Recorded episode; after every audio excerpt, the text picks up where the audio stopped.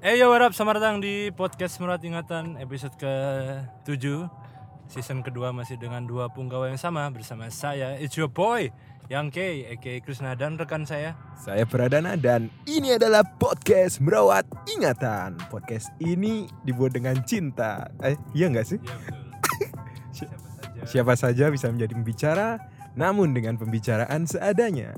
Direkam semampunya, diedit seikhlasnya, dan diedarkan semaunya. Jadi silahkan didengar dengan sukacita. Dua jempol untuk PR Wey. Sebelumnya kita eh, sebelum kita ngobrol-ngobrol nih kita mau mengucapkan selamat untuk teman-teman semua. Eh, selamat eh, memasuki bulan ke-8 dari pandemi virus corona. Selamat. Entah ini suatu hal yang negatif atau positif ya, tapi kita kasih selamat dulu. Pokoknya emang ya 2020 nih rada-rada anjing sih emang ya. Dan kita tuh uniknya ya, kita tuh sempat nyinggung soal corona di episode pertama ya, di season kedua itu kita menyebutkan corona itu sebagai salah satu hal buruk yang menyambut kita di tahun 2020 dan turn out ternyata ini menjadi suatu hal yang sangat-sangat menyulitkan banyak umat di Indonesia. Tapi nggak tahu ya kok ngomong-ngomong soal corona yang udah masukin semester kedua ya di tahun ini ya. Em, kak aku punya asumsi yang agak absurd ya. Entah entah ini bisa dipertanggungjawabkan apa enggak ya. Kayak kayaknya apa ya kan kan virus ini datang dari hewan. Hewan kan dari hutan atau dari pokoknya dari pekarangan-pekarangan yang jarang ada manusianya Eh, dan menyerang orang di kota. Jadi kayaknya apa ya? Eh, mungkin bukan virus itu yang kuat, at- tapi imun kita yang melemah kali karena kita terlalu terbiasa dengan kehidupan kota yang semua serba harus clean dan sebagainya. Sedangkan kalau tinggal di desa, bayangin aja kamu petani nyemplung ke sawah yang mana sawah berlumpur dan segala macam bakteri yang ada di sana gitu loh. Tapi mereka malah sehat-sehat cuy. Iya kan? Berarti apakah itu karena kita hidup terlalu bersih? Terlalu bersih mungkin kita ini terlalu manja dengan eh, kemajuan teknologi mungkin. Karena kan kita tidak biasa lah maksudnya eh, mungkin kita tanpa memaksud merendahkan profesi petani ya.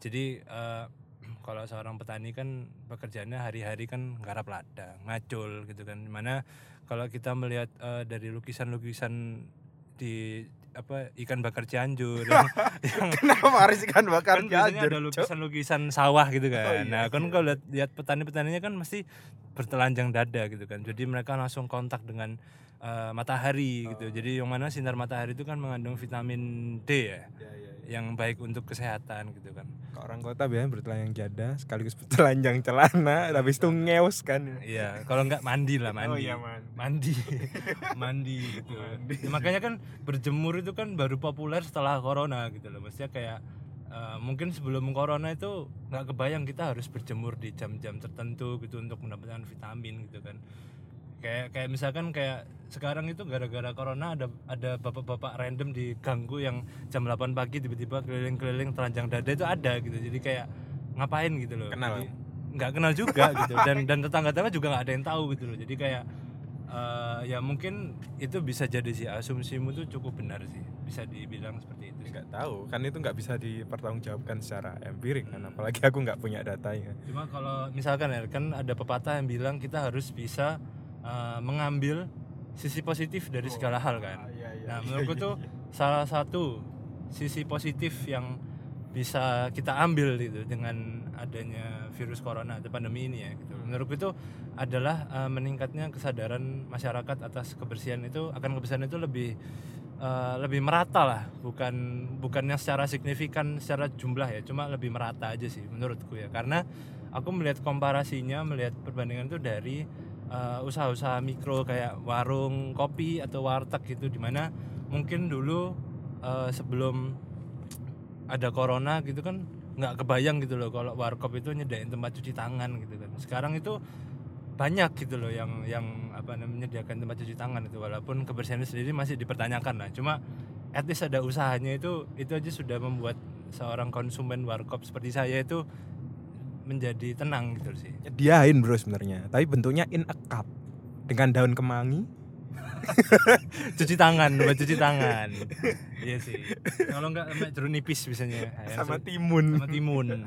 Ya kan? Tapi kalau menurutku sih itu yang yang bisa apa ya hal positifnya. Terus mungkin kalau kedua mungkin itu orang itu jadi kan salah satu hal tindakan preventif untuk corona kan pakai masker ya. Nah aku itu sebagai uh, pengguna kendaraan sepeda motor gitu kan. Aku tuh dari dulu tuh selalu apa ya kayak risih gitu loh melihat orang yang motoran nggak pakai masker gitu atau at least pakai buff itu loh. Karena menurutku kan kita motoran itu kan berjibaku dengan polusi udara gitu kan yang mana polusi udara itu pertama tidak baik untuk kesehatan kita terutama paru-paru dan apalagi kau bersepeda motor sambil rokokan lah. nah itu. Udah. Itu ada kan teman anda yang biasanya pakai helm full face tapi full eh tuker helm tuker helm. Kenapa? Kenapa ya karena kenapa? itu itu nonsens aja sih kayak ngerokok motoran itu ngapain? Oh tapi kan anda punya teman yang deket dia ada. biasanya pakai full face terus ada, ada, minta ada. tuker sepeda uh, minta tuker helm ada, biar bisa rokokan. Ada ada. Ya ada lah orang-orang seperti itu tuh ada gitu ya anda harus spesifik ke gesek putih ya cuma, cuma ada kan gitu. itu dekat tapi dengan kita makanya kita spesifik ke sana spesifik ke sana tapi ya menurutku sih itu sih hal, hal positifnya akhirnya kan uh, terus ini kan debu-debu jalan ini kan membuat wajah kotor ya jadi tidak jadi kulit itu tidak berseri dan mudah berjerawat oh, iya, gitu. Iya. Jadi at least orang itu sekarang motoran itu kita bisa lihat itu secara hampir semuanya itu pakai masker gitu loh. Hmm. Walaupun tujuan utamanya mungkin untuk melindungi dari virus corona ya. Cuma secara nggak langsung juga dia melindungi dari kotoran-kotoran di jalanan gitu sih. Ya, tapi kan emang basicnya kok udah bicara jalanan kota besar ya kot emang kotor terus mau di mana? Iya sih cuma etis kan ada tindakan preventif lah gitu walaupun entah kita itu ngaruh apa enggaknya itu kan kita bukan saintis ya gitu ya cuma kita kan berusaha gitu kan ada ikhtiar nanti kita yang penting berusaha dulu lah nanti hasilnya kita serahkan ke Gusti Allah. Tapi kalau soal kotor-kotor nih, hmm. kalau kita sebagai mahasiswa desain, hmm. desain produk di DKV sama interior di TS, kan udah terbiasa melalui pola hidup kotor, Pak. Misal katakanlah bikin instalasi waktu dulu kita tidur tiduran di lapangan kok tambah maju jangan tabrak lo itu nanti terus bikin instalasi di lapangan tiduran di lapangan. Ada bahkan kayak teman kita namanya Ibnu itu kan dia berkulit gelap. Dan kok bikin instalasi kebanyakan kan biasanya dikerjakan di malam hari karena kok siang kita kuliah. Lah tapi kan biasanya kok kerjain malam-malam ya lelah kan habis ngerjain instalasi ya gitu. Nah itu biasanya dia tiduran. Tiduran di pojok gitu. Nah, tapi jokesnya anak-anak ini agak kurang ajar karena dia berkulit gelap gitu. Kalau selalu selalu dibilang Ibnu itu kalau udah lelah ngerjain instalasi, tidur di pojokan, habis itu kok dicari hilang. glow nggak glow in the dark ya. Makanya selalu lampu-lampu lapangan itu kan saya dinyalain biar kayak memudahkan navigasi gitu mencari orang gitu kan. Benar, Tapi bukan kita menjelekkan Ibnu, kita sayang Ibnu. Sayang kita. Semua orang yang kita mention itu kita sayang. Iya, iya, iya, iya. Cuma in in a different way gitu. Iya kan? Sebenarnya kalau ngomong soal kotor itu nggak cuma situ gitu. Maksudnya kalau anak produk nih biasanya kan garap uh, 3D mo apa modeling gitu kan. Hmm. Uh, yang biasanya kita tuh sering berhubungan langsung dengan amplas, dengan uh, dempul gitu kan. Hmm. Yang mana sebenarnya uh, residu-residu debu apa dari itu residu? Residu itu bahan-bahan sisa gitu lah oh, kayak gitu okay. semacam itulah yang mana sebenarnya itu tidak baik untuk dihirup uh, apa namanya dengan mata telanjang. Hidung telanjang gitu. Iya, dengan hidung telanjang itu tidak baik. Cuma okay. pada prakteknya kan selalu dilakukan tanpa menggunakan masker atau apa gitu. Jadi memang sudah terbiasa lah. Ngelas itu juga ngelas.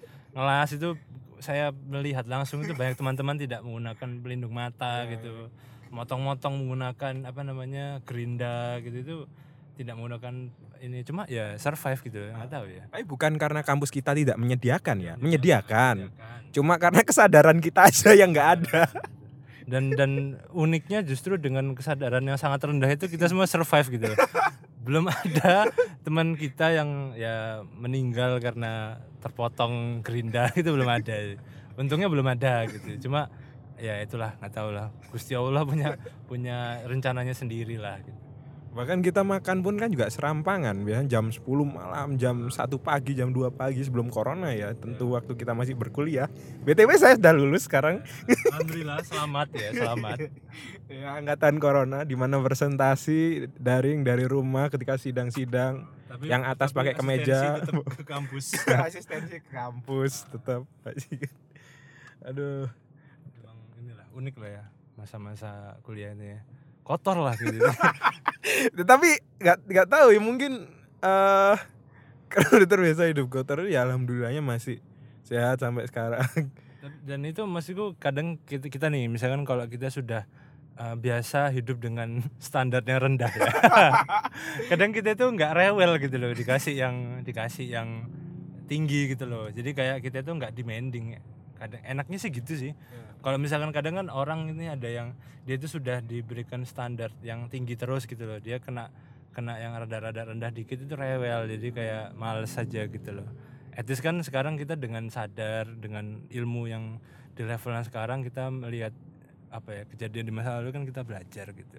Belajar untuk mengurangi lagi atau belajar untuk lebih baik untuk untuk apa ya lebih lebih sayang dengan diri sendiri gitu loh. Dan kalau kamu ingat dulu kita pernah uh, ada mungkin sekarang juga masih ada ya. Nah, enak juga rasanya. Apa? itu penyetan telur penyetan telur. Tapi toppingnya tuh minyak. Minyak sama ini apa namanya kol goreng. Itu apa konsep apa kol goreng itu?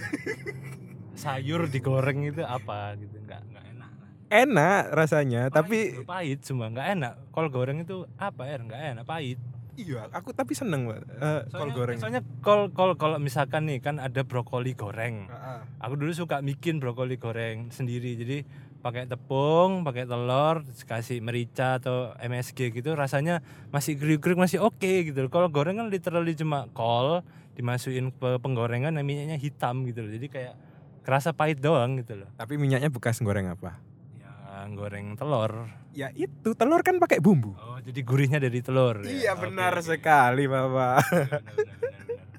Maksud, ngomong-ngomong soal hidup kotor udah terbiasa dari dulu terus ke kuliah akhirnya sekarang kayak gini. Tapi sekarang yang kamu sadar mungkin uh, ini lagi apa ya? Yang yang kadang aku uh, senang dari pandemi ini. Yang bikin senang dari pandemi. Pandemi ini seru sekali. Gak, ya mungkin ini agak kurang ajar. Tapi aku entah kenapa bahagia sekali itu loh. Yang sangat bikin aku bahagia banget di pandemi ini di daerah rumahku udah nggak pernah lagi ada jalanan ditutup karena kawinan. Hmm, hmm, ya, ya, oke oke. BTW kenapa alasannya? Karena aku dulu pernah gini cuy. Pulang ke rumah jam sekitar jam 12 malam ya musim-musim kawin kayak gini lah kawin manusia gitu ya. Itu semua jalan jalanan gede di sana ditutup. Sehingga aku nggak bisa masuk ke rumah. Sedangkan gang-gang kecil kalau udah malam jam 12 malam itu udah ditutup juga pagarnya sehingga aku nggak bisa pulang. Akhirnya aku tidur di McD eh di McD di KFC agak nggak paham aku udah nggak nggak ngerti lagi lah itu kasihan banget sih levelnya udah harus tidur di tempat umum itu kan kan dulu aku belum terlalu kenal dekat kamu nih jadi aku nggak bisa ngontak Chris boleh nginep nggak? Ya. Kalau waktu itu misalnya aku ngontak kayak itu, bakalan gimana respon anda? Ya nggak tahu sih kayak anjing banget. Emang kita deket sekarang nih, so deket lu anjing gitu. Oh ya udah, maaf maaf. Maaf ya. ya gak apa-apa. Ya, ya, tapi tapi ya itulah. Seneng kamu nggak ada orang.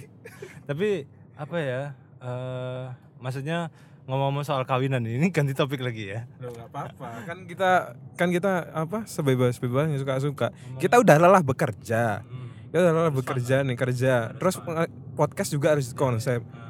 Ya emang enak kita podcast bersenang-senang kan? Oke oke. Nggak ngomongin soal ini ya. Maksudnya kan awal-awal pandemi kan tidak ada pernikahan tuh sama sekali. Maksudnya maksudnya tidak ada maksudnya tidak ada inilah orang menikah lah gitu karena pernikahan tidak ada persetubuhan tetap ada lah ya. Ya kayaknya itu harus beberapa orang. Enggak terus uh, kan akhir-akhir ini kan meningkat lagi tuh banyak tuh dengan protokol eh, protokol-protokol khusus gitu. Nah aku ini uh, kadang ya menurutku itu uh, ini agak-agak-agak apa ya salty agak sketchy apa ya sinis aja ya. Apa kok sinis ya? Pokoknya rada-rada menurutku gini. Jadi aku tuh langsung cerita aja lah ya poinnya. Jadi dua sekitar beberapa satu bulan lalu gitu aku itu uh, menghadiri gitu sebuah pernikahan mantenan dari sepupuku. Dari sepupuku itu dia nikahnya di Jakarta gitu. Ya. Ya nikah di Jakarta nah um, di Jakarta di mana mana kan pokoknya pernikahan besar banget kan sampai Jakarta iya, ditutup. menggunakan satu kota gitu kan. Nggak menggunakan pokoknya di salah satu ballroom gitu lah ballroom kecil-kecilan ballroom hotel gitu lah.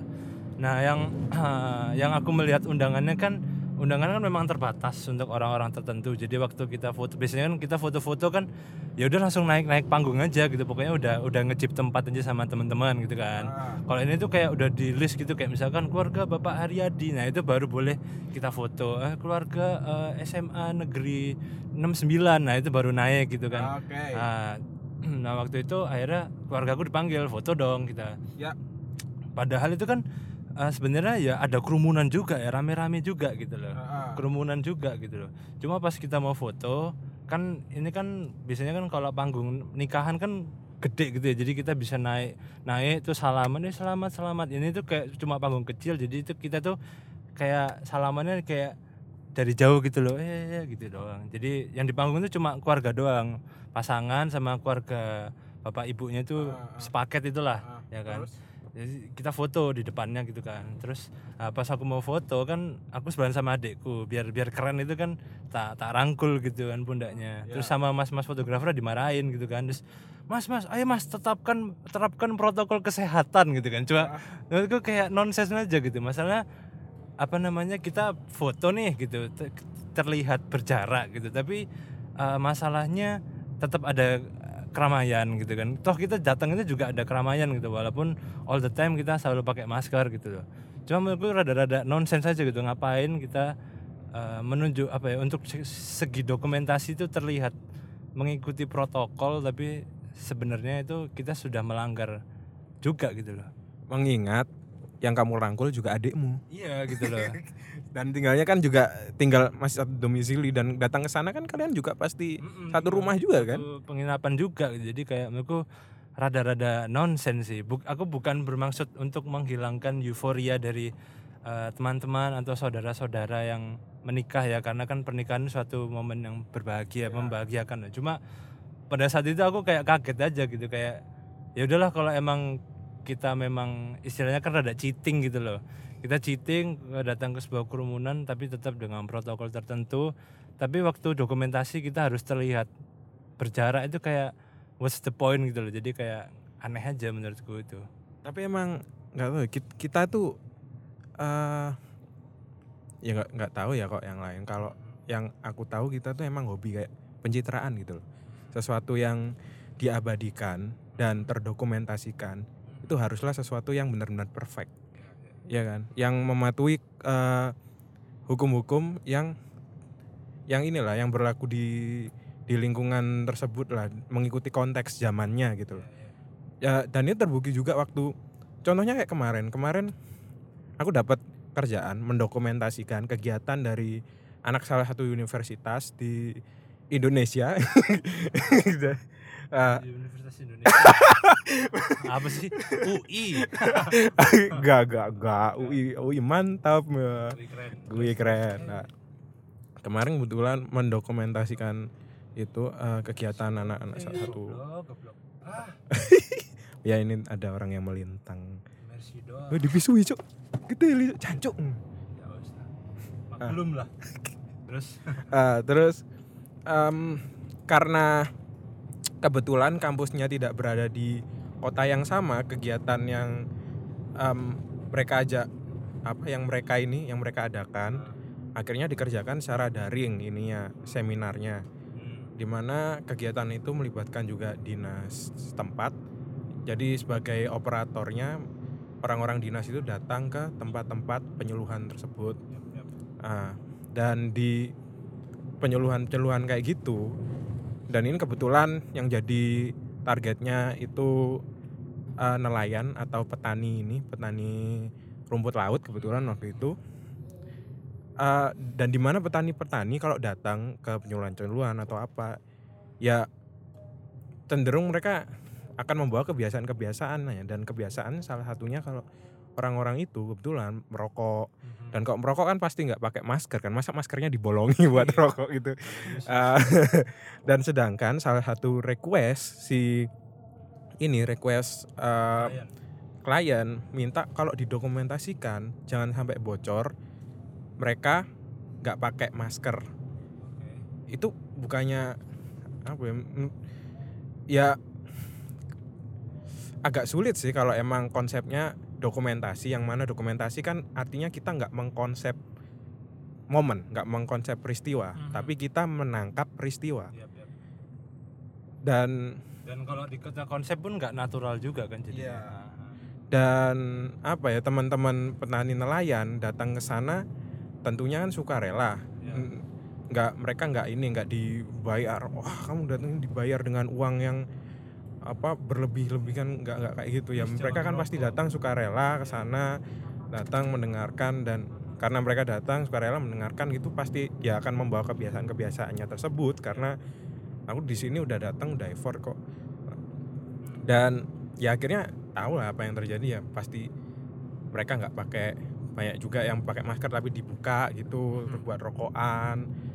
Atau dia dibuka aja iseng habis makan tapi nggak ditutup lagi kayak gitu. Udah jadi agak im- impossible gitu menurutku mendokumentasikan hal-hal kayak gitu yang sesuai banget sama brief awal. Ya itu kan mungkin aku ngambil contohnya seperti yang kamu tadi itu tapi ini dengan konteks yang berbeda ya.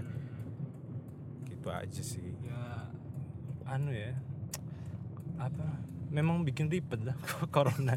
Nggak tahu ya kita tuh kayak kita nggak nggak ada kegiatan juga stres tapi kalau ada kegiatan juga parno gitu. Jadi kayak ya sama kayak bapakku bilang gini pokoknya eh, apa namanya berhati-hati aja deh gitu kita itu sekarang gitu. Kan apa namanya masa eh, aku kan juga memang eh, pekerjaanku gitu kan juga memang mengharuskan kan memang ketemu orang gitu kan klien gitu kan membahas konsep dan lain-lain gitu kan Eh, ya rada-rada susah gitu kalau kita memang harus secara offline gitu loh. Apalagi kan bidang pekerjaan kan juga apa ya barang yang dibuat atau yang dijual itu kan ada fisiknya gitu loh er. Jadi kan susah kalau menjelaskan secara offline. Kamu tukang balon ya pasti? Tukang balon tukang patah. Ya kayak gitu sih. Jadi menurutku tuh eh, ya penting sekarang kita ini deh menurutku kayak hati-hati aja gitu. Kalau aku juga aku tuh juga sampai sekarang juga masih parno sih kalau ke tempat-tempat yang rame-rame banget gitu loh. Pokoknya ya udahlah kita eh, yang penting eh, jaga kebersihan aja gitu kita pakai masker gitu. Terus kalau habis keluar itu habis misalkan habis duduk di tempat umum gitu eh, mending bajunya langsung dicuci aja gitu kita ganti baju baru aja gitu. Ya gimana ya? Karena enggak ya karena men- menurutku menurutku ya kita tuh nggak bisa like 100% kita itu melindungi diri kita tuh nggak bisa pak karena menurutku apa yang kita lawan itu tuh tidak terlihat. Pertama tidak terlihat ini objeknya itu virus yang mana tuh mikro enggak tahu mik- organisme nggak sih? Pokoknya sesuatu yang berukuran mikro yang tidak bisa dilihat dengan kasat mata gitu. Kita nggak tahu eh, benda itu tuh ada apa enggak itu kita nggak tahu gitu loh. Karena ukuran sangat kecil gitu loh jadi kita melakukan tindakan preventif se preventif apa pun selalu ada peluang kita semua untuk terpapar juga gitu loh. Karena yang hal yang kita lawan itu pertama ya virusnya sendiri. Yang kedua adalah diri kita sendiri yang kita lawan gitu loh. Mau nggak kita merubah kebiasaan lama itu mau nggak gitu loh. Rubah kebiasaan Iya kan? lama minum kopi yang baru. Mantap. Enggak tapi ngomong-ngomong soal yang nggak terlihat ya. Eh tapi btw tadi aku aku nggak menyalahkan ini ya nggak menyalahkan pihak-pihak ya, kayak ya tadi konteksnya aku pas ngebicarain pekerjaanku aku nggak nyala nggak nyalain dari klien yang pengen dokumentasinya apa tertata kayak gitu ya. Karena emang kan eh, protokol yang diinginkan pemerintah yang ditetapkan pemerintah kan seperti itu. Tapi kan kenyataannya kita tentunya nggak bisa ini nggak bisa apa mengatur sesuatu yang nggak bisa kita atur gitu. Dan aku juga nggak maksud maksudnya kita nggak bisa kita semua bisa kena itu ya karena yang hal yang lawa- kita lawan itu ya dua tadi itu virusnya dan diri kita sendiri gitu loh. Susah susah gitu loh. Untuk 100% kita benar-benar terlindungi itu susah gitu loh.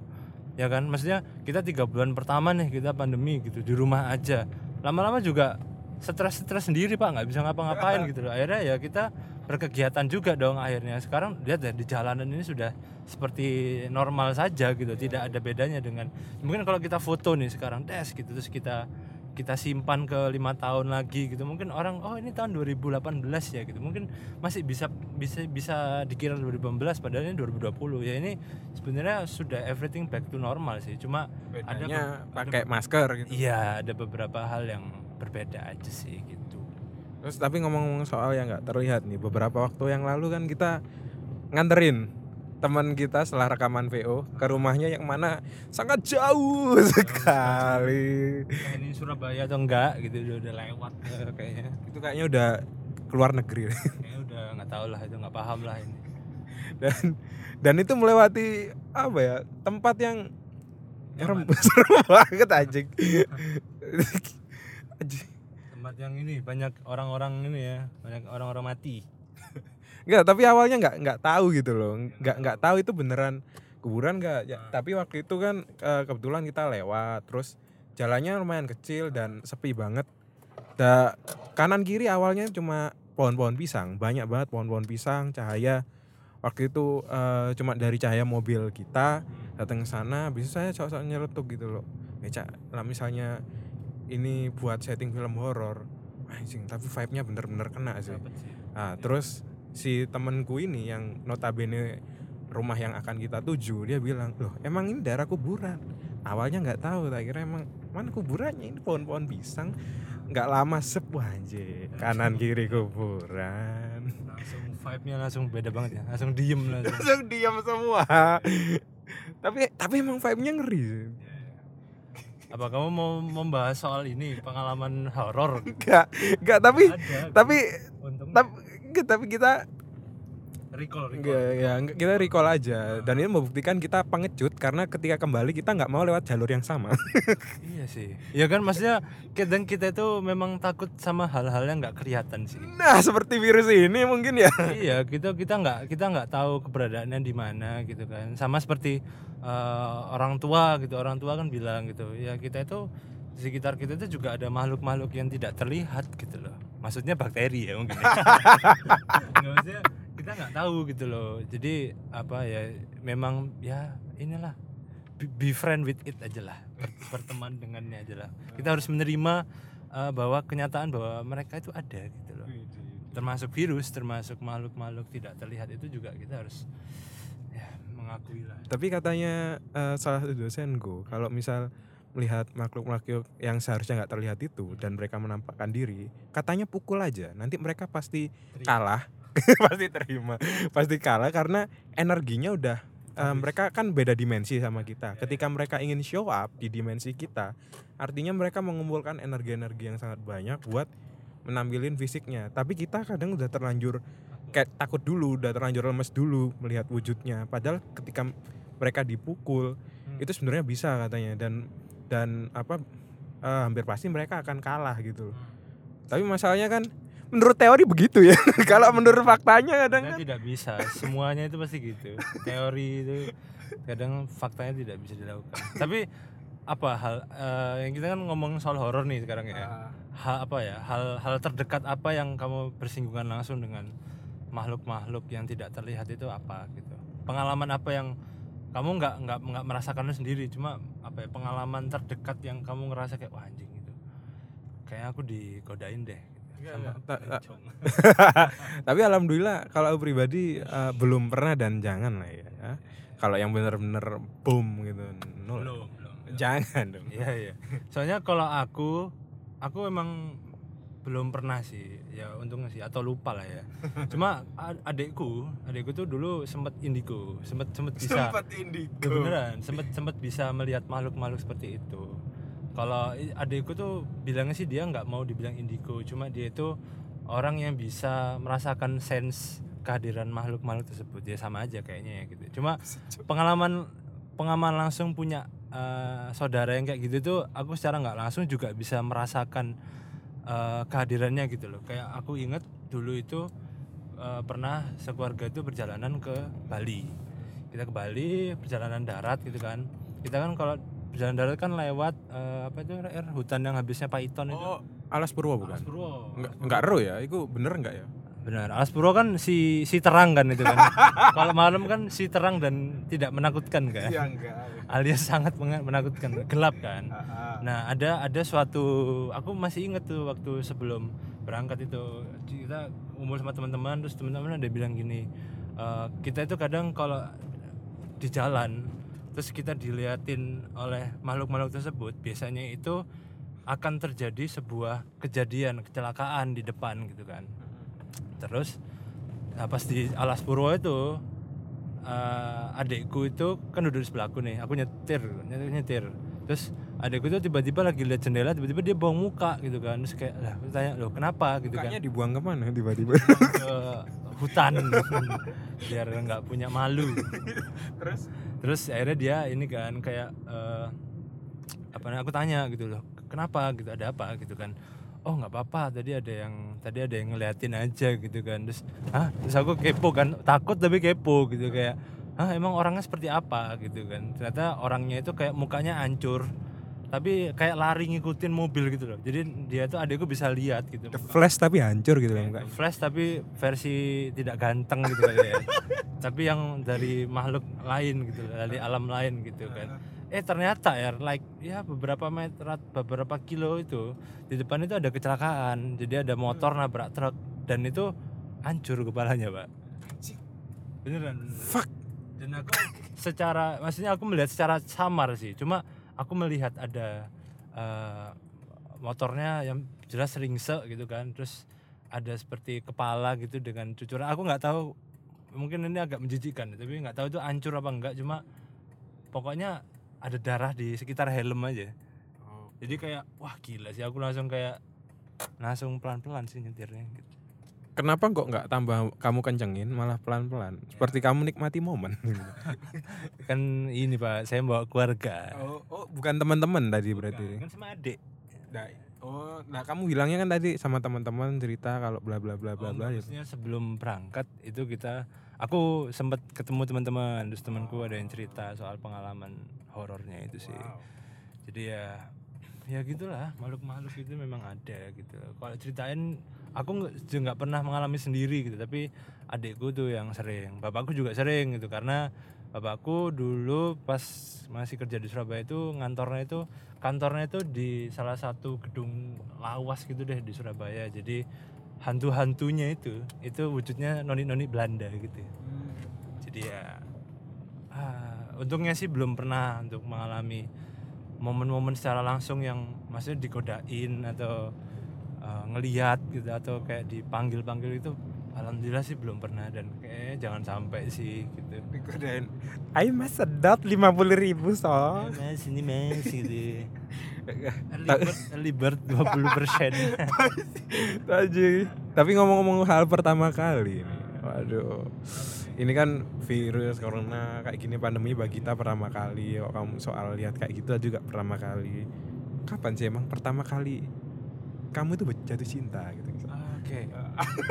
jatuh cinta ya iya. susah nih jatuh cinta tuh termsnya sudah berubah loh sekarang itu. Kenapa? Kenapa? Kalau dulu ya mungkin kita SMP gitu, SD, SMP gitu. Kita mungkin masih awal-awal akil balik gitu ya. kita kan terus jatuh cinta itu kayak ya udah kita sekedar suka orang gitu loh kayak kita kenal sama lawan jenis terus kayak ah ini cocok nih kayak gua banget gitu ya, ya, ya. terus akhirnya kita kayak make a move nah, itu itu bisa dibilang jatuh cinta sih sekarang. Cuma kalau menurutku sih sekarang terms jatuh cinta itu lebih kompleks sih. Nggak sekedar kita suka orang gitu terus kayak kita make a move itu nggak nggak gitu. Jatuh cinta itu menurutku kayak bahkan mungkin di level yang di mana kita itu apa ya orang-orang pacaran menurut kayak orang pacaran itu tuh belum mesti jatuh cinta dia tuh masih finding apa ya mencari kecocokan antar keduanya gitu loh. Hmm. nah kalau misalkan udah cocok banget nih udah cocok banget terus udah nemu uh, sisi negatifnya dan bisa mentoleransi sisi negatifnya dan dia masih fine fine with it itu dengan hal yang negatif tersebut kekurangan itu menurutku sudah bisa jatuh cinta sih. Karena ya kompleks pak menurutku tuh. Jadi kalau misalkan pertama kali ya kayaknya sih ya kuliah ini sih kayaknya ya. Pas kuliah ini kayaknya ya. Waduh. karena kan ini pacar pertama saya gitu. Dan dari dari dulu nggak pernah lah ya jatuh cinta gitu. Iya, mungkin mungkin dulu menganggapnya jatuh cinta ya. Cuma kalau sekarang sih aku sadar oh kayak dulu tuh kayak ya cinta monyet lah dulu bisa bisa dibilang itu cinta monyet cinta cinta remaja gitu pak. Mungkin lebih ke penasaran kali pak. Dan artinya nggak tahu kalau nangkep kok kamu pribadi berarti nggak percaya cinta pada pandangan pertama gitu kan Hmm. Aduh, nggak tahu ya aku ya. percaya nggak percaya sih? Karena ada orang yang dia pertama kali kenalan langsung kayak into it banget itu ada. Ada yang ada yang kayak dia butuh waktu untuk memahami seorang seseorang itu juga ada gitu. Jadi ya menurutku sih percaya percaya aja. Cuma kalau dari pengalamanku sih kayaknya aku dari misal kalau apa ya dari dulu gitu ya suka orang itu kayak nggak pernah yang kayak langsung wah ini cakep nih langsung suka kayaknya nggak pernah deh. Jadi kayak memang butuh proses dulu kayak oh dia nih cantik gitu ternyata oh ternyata dia itu anaknya ini ya nggak nggak manja atau anaknya nggak rewel. Ya itu tuh baru deh mulainya kayaknya uh, kayak aku nggak pernah sih yang kayak gitu sih. Berarti kamu sama pacarmu yang sekarang ini untuk menemukan apa uh, komposisi yang pas. Gitu pondasinya di awal-awal belum belum ketemu lah ya berarti. Waktu awal-awal pacaran gitu. wajar lah karena orang pacaran kan cari kecocokan dulu gitu loh. Sama cari muka kan. Cari muka benar. Dan ini loh dan ini uh, ini buat teman-teman yang uh, berpacaran ya gitu. Ini ini bukan saya bukan love master ya cuma kayak memberi advice ya. Jadi menurutku tuh ada step-step dalam mencari muka dalam uh, berpacaran gitu yang pertama kita cari muka dulu ke pasangan kita. Iya kan? Ya kan? Jelas Nah, dong. Ya jelas dong. Masa langsung ke siapa? Pak Bon gitu untuk Dulu satpam. saya langsung rajin belajar mobil gitu biar kayak wah ini saya harus memberikan citra yang baik nih gitu. Pokoknya pertama tahap tahap pertama pasti ke pasangan dulu gitu. Karena kan ya apa ya orang pasti yang dilihat apa apa dilihat itu apa yang dinilai dulu gitu loh. Bullshit gitu kita ngomong kayak ah kita melihat dalamnya gitu ya pasti orang lihat dari penampilannya dulu lah nggak mungkin nggak lah pasti itu tahap pertama yang kedua Menurutku kok dari dalamnya kok udah kenal banget sih bro baru mungkin bisa dari Maksudnya, dalamnya eh, gitu. sifat Oh maksudnya. gitu, nggak secara fisik. berarti. Enggak, enggak, enggak, enggak sih. Inginnya sih gitu kan. Pertama ya. kedua, yang kedua itu eh, teman, lingkungan terdekatnya, teman dulu. Jadi kalau menurutku tuh restu pertama itu harusnya lu dapat itu orang tua itu penting, cuma Oke. dapat dari teman dulu. Oke. Karena eh, ya lu harus bisa dapetin hatinya temennya dulu gitu loh. Kalau temennya karena teman-temannya nih menurut- apa itu bisa memberikan pengaruh ke cewekmu gitu. Misalkan kayak eh ini cowokmu ini ya ternyata eh, pelit ya gitu ya. Nah, itu itu bisa membuat mengubah pikiran perempuan itu bisa bisa aja gitu loh.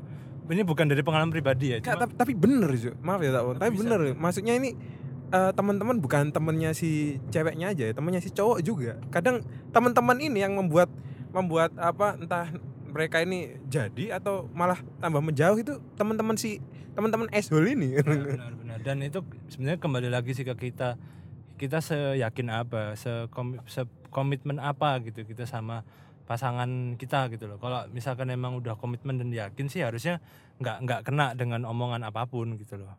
Ya nggak sih? Terus baru yang ketiga itu baru dari keluarga gitu sih gitu sih. Ya itulah namanya percintaan. Tapi ngomongin soal cinta nih. Anjing. bisa udahan ya melintir. Kamu ngomong gini aku udah nggak percaya cinta gitu. Aku sekarang percaya komitmen. Kamu momen apa yang kamu bikin kamu bisa ngomong gitu gitu? Apakah ada suatu eh, apa ya cerita gitu dengan pasangan anda atau gimana? Kok bisa bilang gitu gitu loh? Kenapa gitu?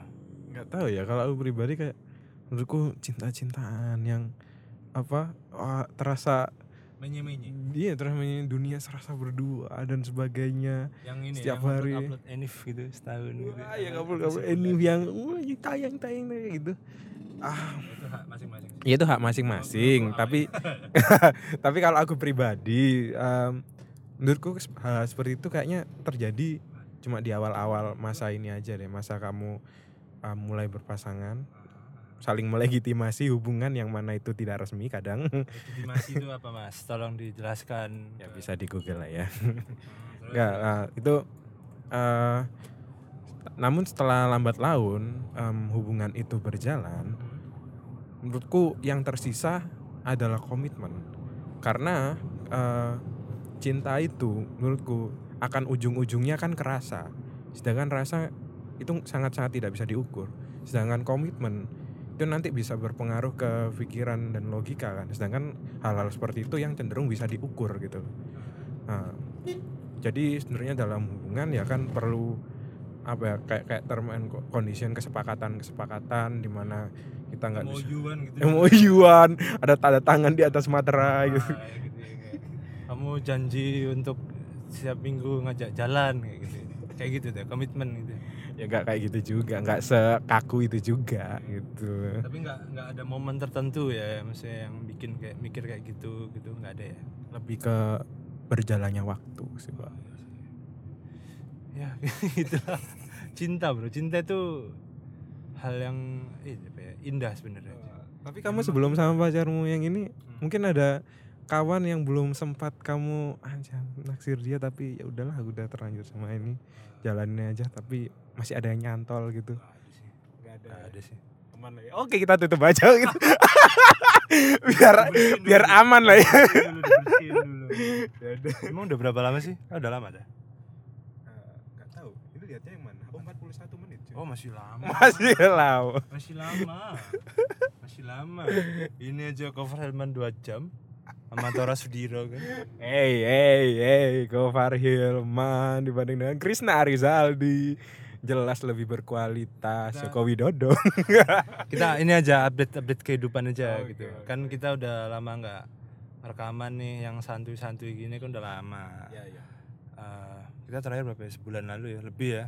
Betul. nah itu mungkin sebulan lebih terakhir ini apa update kehidupan gitu. Jadi kamu itu apa yang kamu sadari apa yang kamu pelajari apa temuan-temuan baru yang kamu eh, yang kamu explore itu apa Nah, gitu? salah satu hal yang saya sadari em, saya mulai membenci mengedit video yang yang di ini yang yang apa ditugaskan oleh uh, dosen saya. Bukan benci yang gimana ya tapi kayak mulai ada perasaan-perasaan karena tidak nyaman. tidak nyaman em, karena emang apa dari dari hal yang saya dapat berupa materi itu benar-benar kurang sehing- em, ya saya bisa bisa aja keluar ta- tapi masih ada beberapa video lagi yang harus saya edit jadi kayak ya pokoknya setelah ini mungkin saya bilang saya mau rehat dulu dan mungkin nanti akan kembali. Em, beralih ke profesi lain maksudnya. Enggak ya tetap penyanyi ke penyanyi. ke, ke tetap ke video dan mungkin akan lagi cedera loh ya kontol. Biarin saya membicarakan ini dulu. Terus terus terus terus. agak tetap em, dan mungkin akan berkolaborasi lagi tapi ya em, semoga berkolaborasi lagi. Saya yang akan pegang kamera sehingga kameranya nggak mengarah ke mana-mana dan lebih enak untuk dinikmati. Alhamdulillah. Duitnya juga lebih ada lah ya. Ya, dan semoga duitnya juga lebih ada biar lebih enak gitu loh ngeditnya. Karena kalau ngedit yang passion itu ya kok sekali dua kali nggak apa-apa. Tapi kalau em, ada harus tiap minggu gitu kan ya ya lama-lama jenuh juga sih mungkin. Ya ya alhamdulillah kalau saya juga ada freelance freelance yang lain dan itu cukup menyenangkan dan ah banyak juga hal-hal baru. Kayak kemarin akhirnya awalnya saya jadi SKM di salah satu STM STM apa sih? STM SKM asisten Oh, kameramen. SKM. ya asisten di UP lah. Dan eh, asisten kamera oke. Iya iya. Dan waktu itu di project salah satu TVC komersil gitu. Tapi karena nggak dapat dapat DOP, eh, akhirnya kayak wow akhirnya saya tiba-tiba langsung naik pangkat Naik pangkat. iya dengan dengan segala macam Director of kekurangan ya Iya, Oke. dengan segala macam kekurangan dan kebodohan yang saya miliki jadi DOP benar-benar bikin stres. Yang yang proyek sama nelayan tadi oh bukan, bukan beda lagi. Tapi tapi saya sangat berterima kasih karena diberikan kesempatan itu walaupun memang banyak kekurangannya dari sana juga banyak belajar pelajaran yang bisa didapatkan juga dan alhamdulillah masih dikasih kesempatan-kesempatan berikutnya walaupun belum jadi DOP lagi em, jadi editor, jadi asisten kameramen di project-project lain. Saya sangat syukuri itu sih. Em, setelah kelulusan ini salah satunya yang benar-benar apa senang ya selain mengedit video bapak dosen. Dan semoga nanti bisa segera diselesaikan ngedit video utang buat anak-anak angkatan sebelum mereka punya anak sebelum mereka menikah. Udah, ada loh ini yang yang dulu pernah kita undang di podcast kita itu. Insya Allah ya menjadi calon ayah dan calon orang tua sih mereka berdua. Salah satu bintang tamu kita gitu di yang pernah kita undang R. Wow. Itu akan menjadi orang tua jadi apa ya semoga eh, persalinannya lancar. Eh, nggak tahu kayaknya tahun depan deh semoga eh, persalinan lancar terus juga ya bapak ibunya juga sehat lah gitu. intinya gitu sih. Gitu. Berarti itu aja yang yang temuan yang kamu sadari yang kamu kayak oh ini pengalaman pengalaman baru nih gitu ya. Mungkin itu itu dulu sih kayaknya yang aku ingat ya. Kalau anda mungkin apa gitu? Apa ya kalau aku ini menyadari bahwa uh, potensi industri lokal itu itu menjanjikan dan bagus industri apa ini bro Nah, secara spesifik ini industri sepatu ya dan sepatu ini sepatu kulit. Jadi eh itu yang men-trigger ini sebenarnya karena eh, ada teman gitu, ada teman yang dia itu menikah itu mengadakan resepsi gitu kan. Terus karena tempat resepsinya itu kan eh si nggak licin tuh kalau pakai pantofel kan. Si nggak licin ya kan. Pantofel kan flat gitu kan. Si nggak licin kan kalau di kan tempatnya kan outdoor gitu. Oke. Si nggak licin gitu. Jadi kayak kepikiran ah aku pengen ah beli sepatu yang formal sepatu boots gitu tapi yang model-model kayak Doc Marten gitu tau gak sih? Dr. Martin gitu loh. Ya ya ya bukan Roy Martin ya Dr. Martin. Oke skip. Ayo terus Tapi lanjut. Kan Doc Martin kan mahal ya Re, ya. Itu harganya satu setengah satu tujuh dan yang model yang aku pengen itu harganya 2 jutaan dan emang bagus model-model kayak Chelsea boots gitu gitu. Nah, saya waktu itu ada ada menemukan konten gitu di Instagram gitu yang kayak rekomendasi sepatu lokal gitu. Akhirnya cari dong gitu cari. Wah ternyata bagus-bagus ya gitu merek-merek lokal dan harganya itu jauh banget pak. Harganya itu variatif. Ada yang dia memang low end low end itu like 300 400 ada yang dia tuh sampai di high end yang dia jual 2 juta itu juga ada. Jadi masuk itu dan ternyata aku semakin ngulik-ngulik ke situ kan. Yang bikin aku ngulik kan karena cari komparasi harga terus kan walaupun nggak beli-beli juga sampai sekarang. Cuma ngulik tau tapi nggak beli cuma aku sadar sih bahwa emang eh, potensinya itu sebenarnya kuat sekali gitu. Dan pasarnya itu juga eh, besar gitu loh sekarang gitu untuk untuk industri fashion fashion gitu kan. Apalagi kan OTD OTD itu kan hal yang penting gitu buat anak-anak muda gitu. Jadi kayak aku sih menyadari potensi industri sepatu lokal itu bagus sekali gitu kan. Dan dan memang eh, muaranya itu sama. Brand-brand yang itu tuh muaranya tuh dari satu daerah yang sama yaitu brandnya ya brand asal brandnya itu dari Bandung semua pak. Yang aku brodo bukan? Eh ya salah satunya. Cuma Brodo itu tidak eh, apa ya tidak aku tidak menemukan produk yang sesuai dengan spesifikasi yang aku cari lah intinya gitu. Aman-aman aja aman-aman.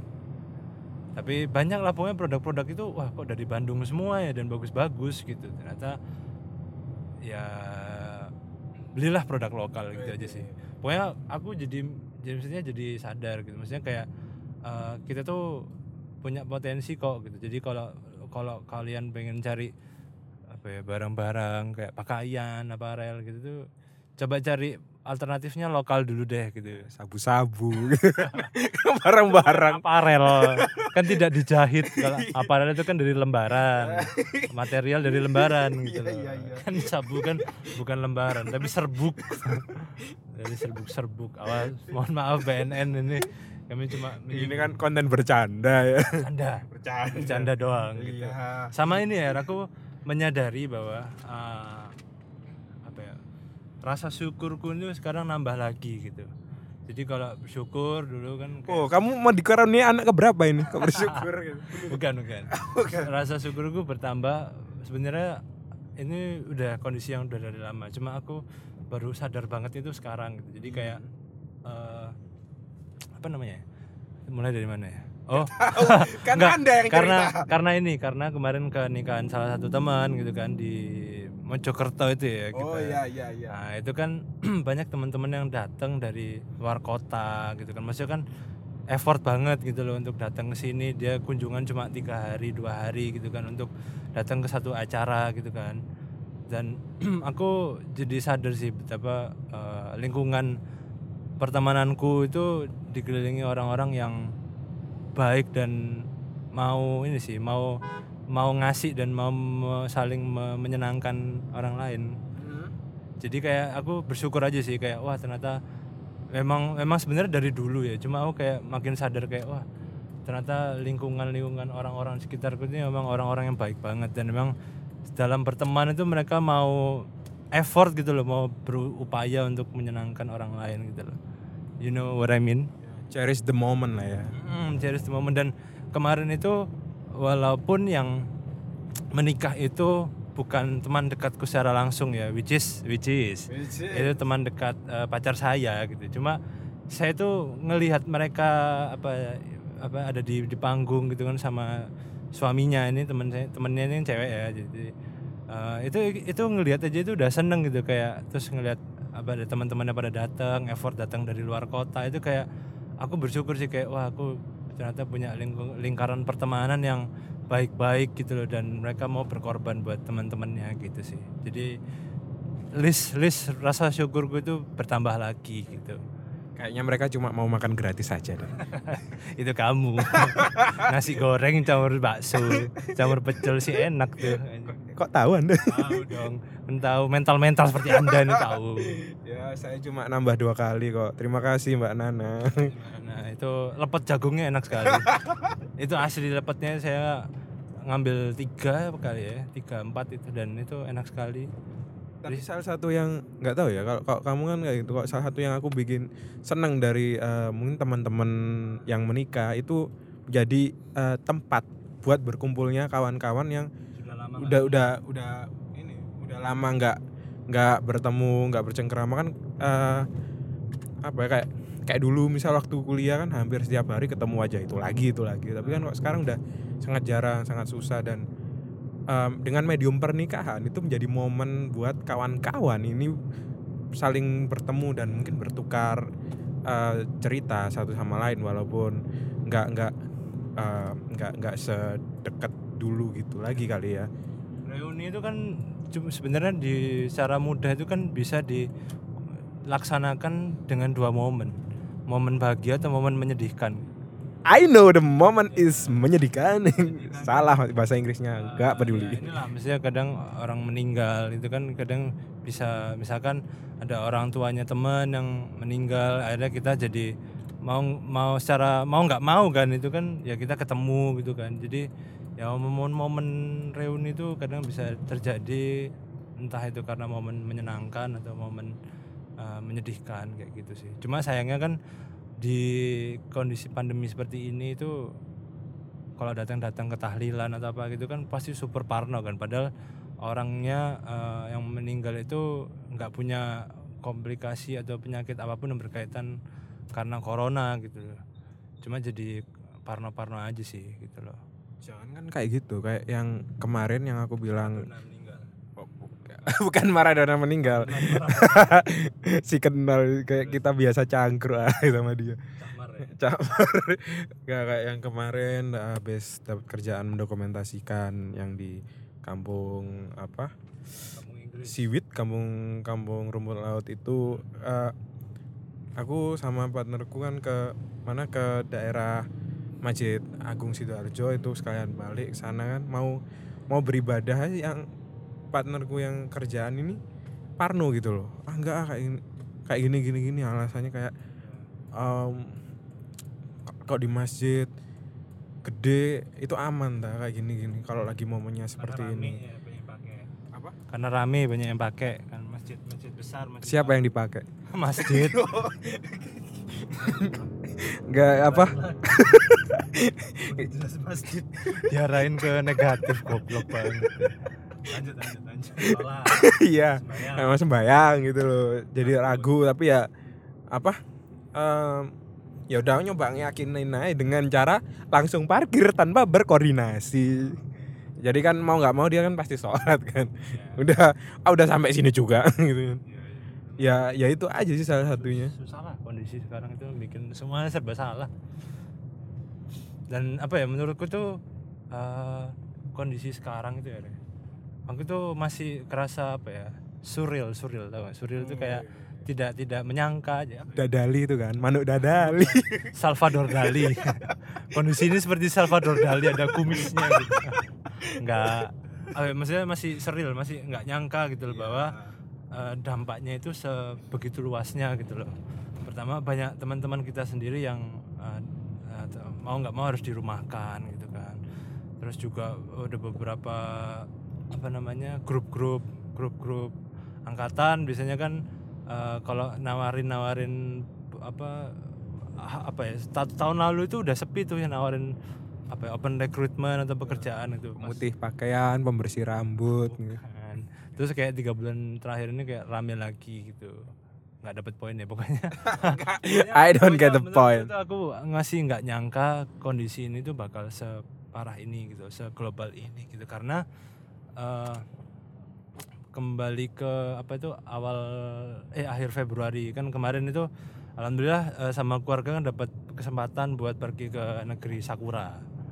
Ke Jepang gitu kan. Yang temu Sasuke enggak Sasuke sama Naruto terus eh eh, Kamang Kakashi juga. Terus, ayo lanjut kok tambah diguyon. Terus ini kan ini kan sudah pla- eh, trip yang udah direncanakan dari tahun lalu. Jadi kita nggak nggak nggak menyangka bahwa kondisi atau adanya pandemi ini tuh akan terjadi tuh kita nggak nyang nggak nggak menyangka kan akan terjadi tahun depannya gitu loh.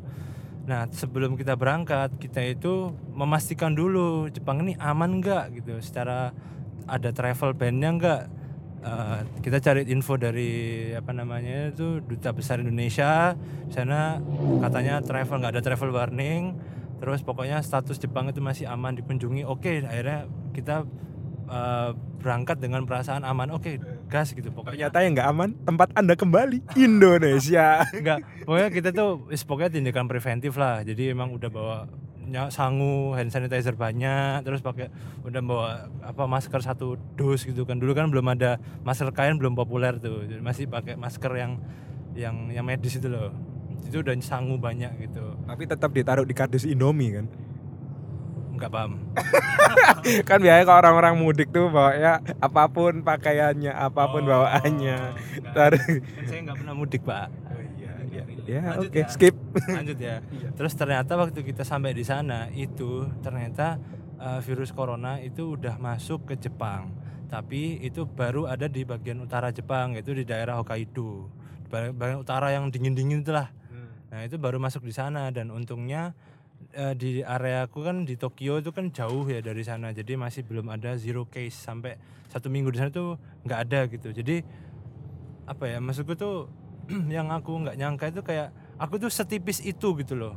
Setipis itu hampir bersinggungan langsung di daerah yang yang apa ya sampai sekarang masih rawan gitu untuk pandemi virus corona gitu. Karena eh, untungnya kan pas aku hari pertama di sana hari kedua di sana itu tempat-tempat yang emang masuk wishlist itu udah kita kunjungin kayak misalkan Disneyland, Disney Sea itu udah ke sana gitu. Nah, ternyata di hari keempat apa hari kelima itu tuh banyak museum-museum atau tempat wisata yang udah ditutup. Jadi kayak kita tuh beruntung banget kita udah ngunjungin tempat-tempat itu sebelum ternyata udah ditutup secara tiba-tiba gitu loh Er. kamu ditutup karena datang ke sana udah malam ya? enggak, enggak. kayak misalkan salah satu yang pengen tak kunjungi itu Ghibli Museum itu tuh ditutup juga karena corona gitu loh. Toko-toko yang jual jav gitu enggak enggak pengen? Eh, enggak sih enggak enggak menarik sih. Karena udah bisa streaming kan? Streaming. Ada gitu pakai VPN aja bisa gitu. pokoknya aku tidak menyangka bahwa aku tuh se- setipis itu loh untuk terjebak apa ya untuk batal batal uh, travel ke sana dan terjebak di suatu negara yang ternyata beberapa minggu ke depannya itu sudah di lockdown gitu loh. Jadi kayak ham- kalau misalkan nih aku travelnya itu aku mundurin satu minggu atau dua minggu aja. Bisa jadi aku batal nggak ke sana gitu loh. Jadi kayak sangat tipis sekali dan dan waktu di sana itu memang eh, udah apa ya dari pemerintahnya sendiri memang sudah menggencarkan untuk eh, apa ya menggunakan protokol kesehatan lah gitu. Yang di- yang mana waktu itu di negara kita masih belum berlaku sama sekali gitu.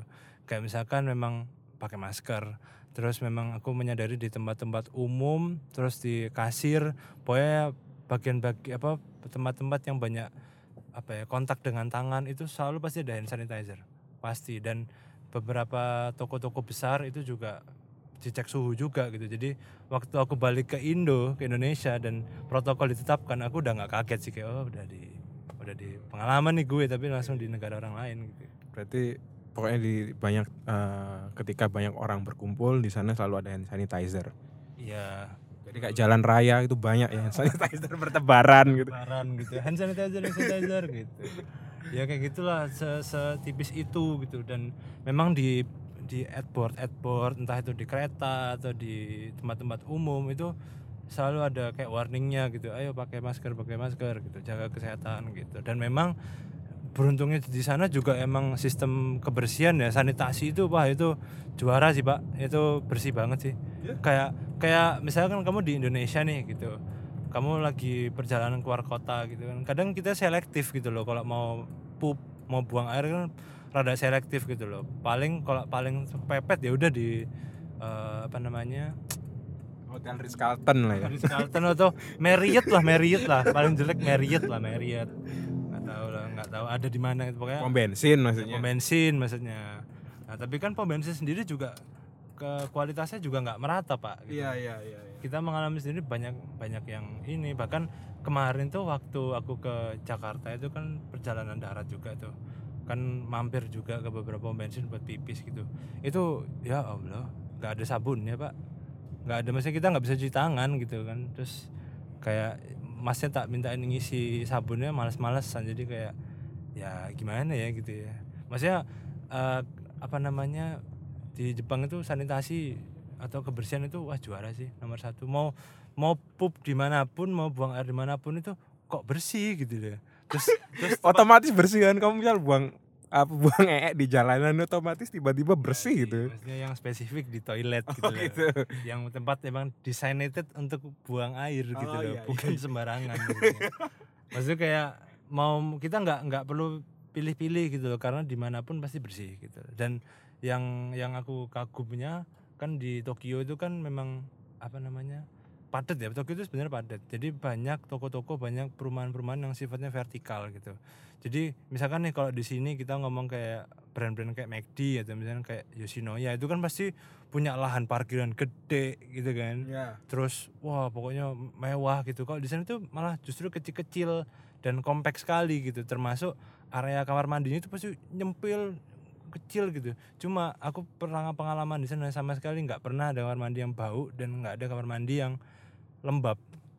Maksudnya nggak nggak terlalu lembab lah lembab tapi masih enak gitu loh. Iya, nggak ada iya, yang bau tai gitu nggak ada. Nggak pengap gitu kan? Nggak pengap gitu. Dan kayaknya hampir semua di kamar mandi umum gitu itu kalau didudukin tempat duduknya anget pak. Asik kayak aduh ya kan? Kadang kalau misalnya kita pup, aku kadang misalnya pup di mall atau di mana gitu yang yang kamar mandinya ada AC-nya ya. Itu tuh kadang kalau udah duduk di tempat duduknya kan dingin ya. Iya. Itu kayak udah nggak mood gitu. Pup, pupnya itu udah kayak beku gitu. Udah nggak masuk lagi nih iya kayak nggak mood. Nah, di sana tuh udah selemet selemet perut itu udah kayak udah mau teriak nih. Duduk di sana anget itu udah kayak enak tambah kayak dipijit-pijit gitu. Kayak, ayo dong keluar ayo Itu ada tangannya tuh keluar dari kloset terus geli, dipijit-pijit. geli, geli-geli basah gitu kan. Tapi emang bener maksudnya emang anda kalau ke Jepang harus coba eh, ya pasti dong. Kan nggak mungkin saya di sana nggak kebelet ee -e gitu. Iya sih ya itulah pokoknya sangat menyenangkan lah.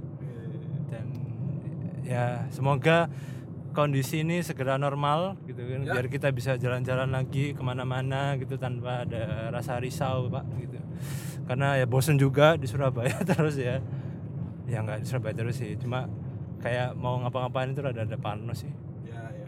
gitulah semoga kondisi semakin normal gitu Dan walaupun nggak parno, kita misal eh, kita misal udah apa ya? Ya masa Buddha percaya diri kan kadang kita juga em, kalau ketemu orang lain kan juga lihat-lihat gimana ya kok oh respon mereka jaga-jaga kayak kok mereka udah menganggap ini kayak biasa atau masih bener-bener menganggap ini era pandemi atau gimana ya. Jadi kan ada keraguan ketakutan respon orang lain kok. Misal kita mau salaman apa tosan atau nggak pe- nggak pegangan tangan sama sekali kok baru kenalan kayak gitu gitunya kan kadang nggak enak sih buat permulaan untuk temu. ya temulah. Ya gitulah. Semoga semuanya semoga normal. Terus eh kelas ya kelas. Kelas. Kita mau ngadain kelas lagi teman-teman. Eh, di akhir Desember jadi tunggu saja detailnya. Nanti teman-teman kalau infonya udah keluar silakan langsung daftar karena terbatas ya untuk berapa? 16 orang gitu. Dan harganya eh, kita nggak ngomong terjangkau ya. Tapi ini layak lah dan eh, apa ya? Ya sangat sangat layak lah dengan harga segitu. Experience yang nanti akan teman-teman dapetin dan barang-barang yang akan kita kirim ke sana terjamin lah bisa dikatakan begitulah ya Yap, betul. Jadi tunggu saja info selanjutnya dari kita. Terus apa lagi yang perlu diucapkan? udah itu aja sih karena udah satu jam juga lebih ya, satu jam lebih ya. satu jam satu jam lebih enam menit Uh, lumayan. Oke, ya sudah kalau gitu kita tutup saja. Eh, terima kasih teman-teman semuanya sudah mendengarkan. Jangan lupa follow kita. Aku lupa bisa nutupnya gimana ya. Pokoknya jangan lupa follow kita di akun Instagram kita juga biar tidak ketinggalan info-info baik info itu podcast atau info kelas Ya. atau info lainnya konten lainnya jangan lupa. Terus ada lagi Bapak PR yang mau ditambahkan? Pas nggak tahu Pak, saya pribadi senang banget saya bisa rekaman apa sendiri dulu lagi ngomongin kanan kiri yang nggak terlalu apa bertema dan segala macamnya. Eh, hubungan kita juga udah agak renggang gak ya? Kita udah mulai kayak musuhan gitu gak sih kayak oh, bukannya sejak dulu itu ya? Iya kayaknya sih. Cuma kayak akhir-akhir ini tuh kayak kita udah kayak makin reng- renggang gitu. Jadi kayak ayo kita kita intim lagi yuk R gitu. boleh lah, boleh lah ya. Gitu aja dulu lah ya gitu. Terima kasih. Sampai jumpa. Sampai jumpa. Dah.